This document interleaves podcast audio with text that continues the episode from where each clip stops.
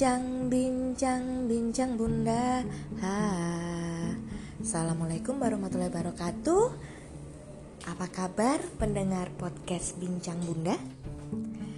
Hari ini aku pingin cerita-cerita sedikit nih Tentang rasa penasaran terhadap pencapaian bunda-bunda lain Semoga aja ini bukan rasa iri ya, tapi sekedar kepo atau penasaran kok bisa sih ada bunda yang dia masih punya segudang prestasi padahal sudah menyandang status sebagai bunda.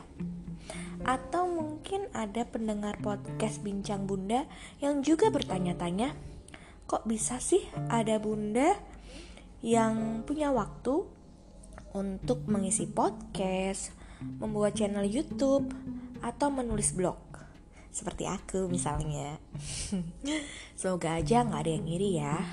Tapi ini aku kembali lagi ke perasaanku yang bertanya-tanya ketika melihat ada banyak bunda di Instagramku atau di Facebookku yang mereka bercerita bahwa um, misalnya habis launching buku atau habis launching produk yang dibuat sendiri. Atau lagi ambil S2 S3 mungkin? Wow. Bener-bener deh aku penasaran banget. Kok bisa mereka punya pencapaian yang sehebat itu padahal anaknya juga banyak lebih dari satu misalnya. Ternyata aku gali-gali lebih dalam, sebenarnya semua bunda bisa kok seperti itu kalau mau. Nah, masalahnya tidak semua bunda punya kemauan yang sama dan itu nggak apa nggak apa-apa banget. Kita nggak harus menjadi seperti orang lain, walaupun kita nih silau nih melihat kesuksesan uh, bunda lain. Tapi kita nggak harus kok jadi seperti bunda tersebut seperti bunda lain tersebut ya. Aku kasih contoh bahwa ada bunda yang memang dia senang mencari ilmu senang melanjutkan sekolah lagi S2 S3 ambil profesor gitu misalnya. Tapi ada juga bunda yang dia lebih suka mengerjakan satu hal dalam satu waktu.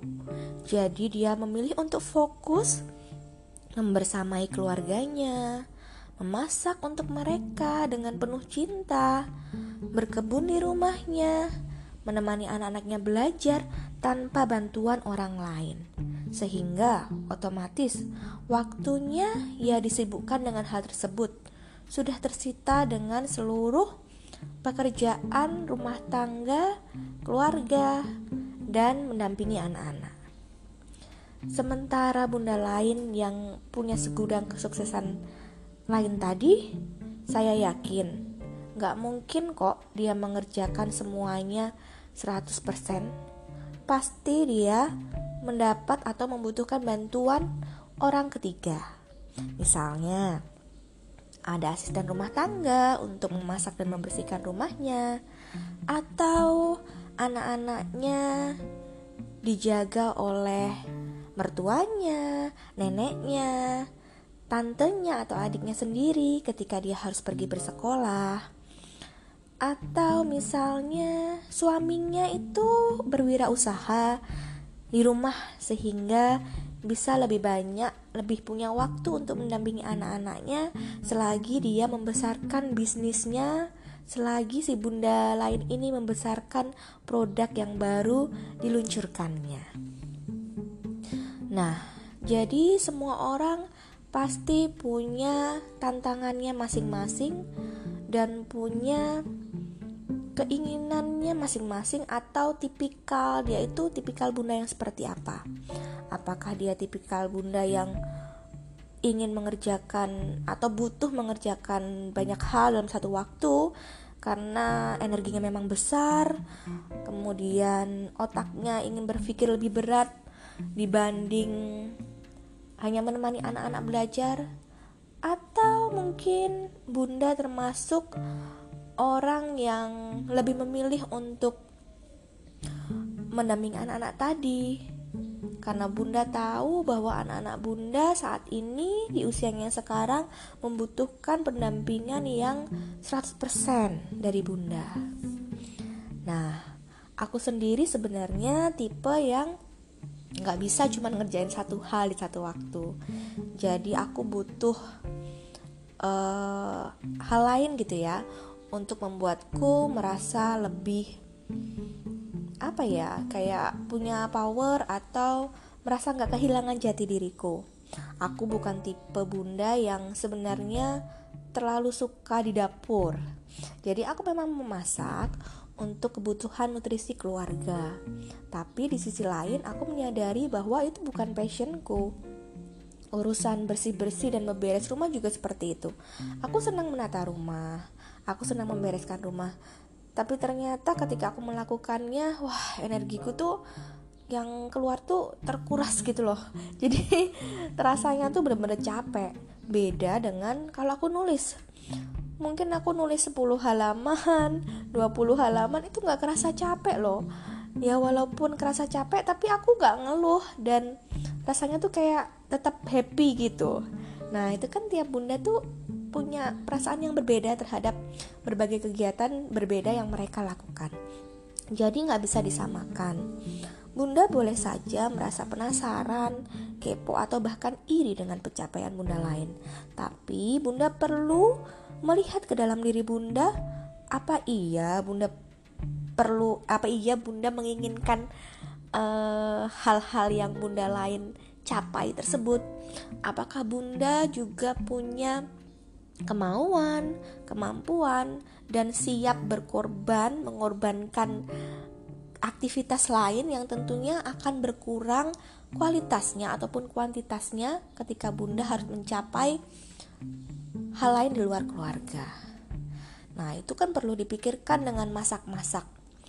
Dan setiap Bunda yang punya pencapaian, dia biasanya punya why yang kuat. Jadi bukan sekedar ikut-ikutan.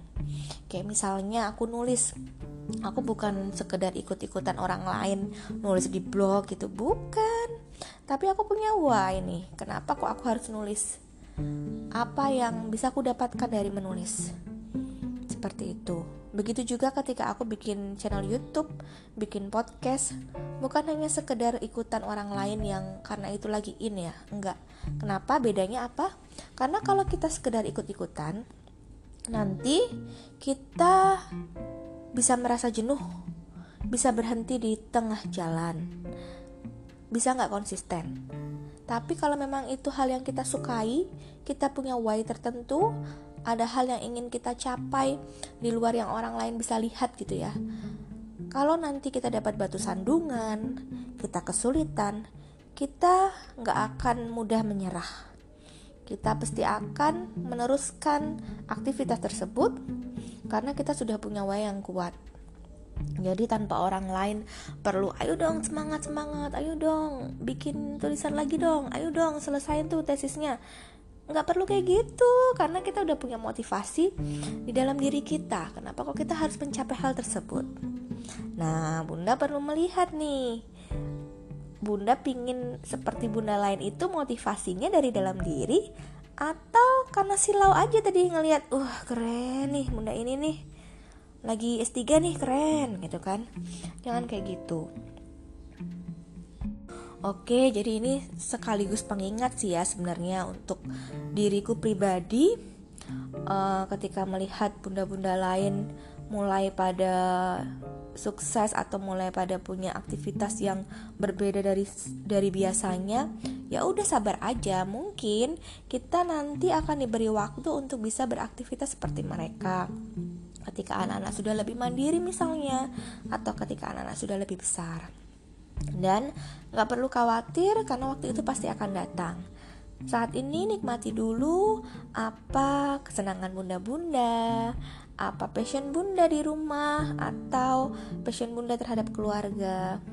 Nikmati dulu apa yang bisa bunda lakukan untuk memaksimalkan peran bunda sebagai seorang bunda, seorang istri di keluarga bunda.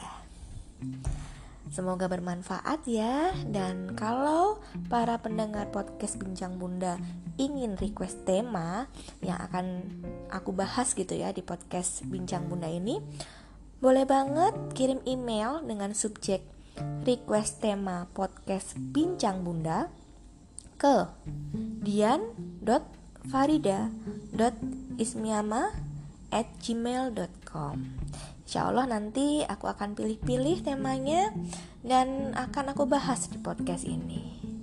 Terima kasih. Wassalamualaikum warahmatullahi wabarakatuh.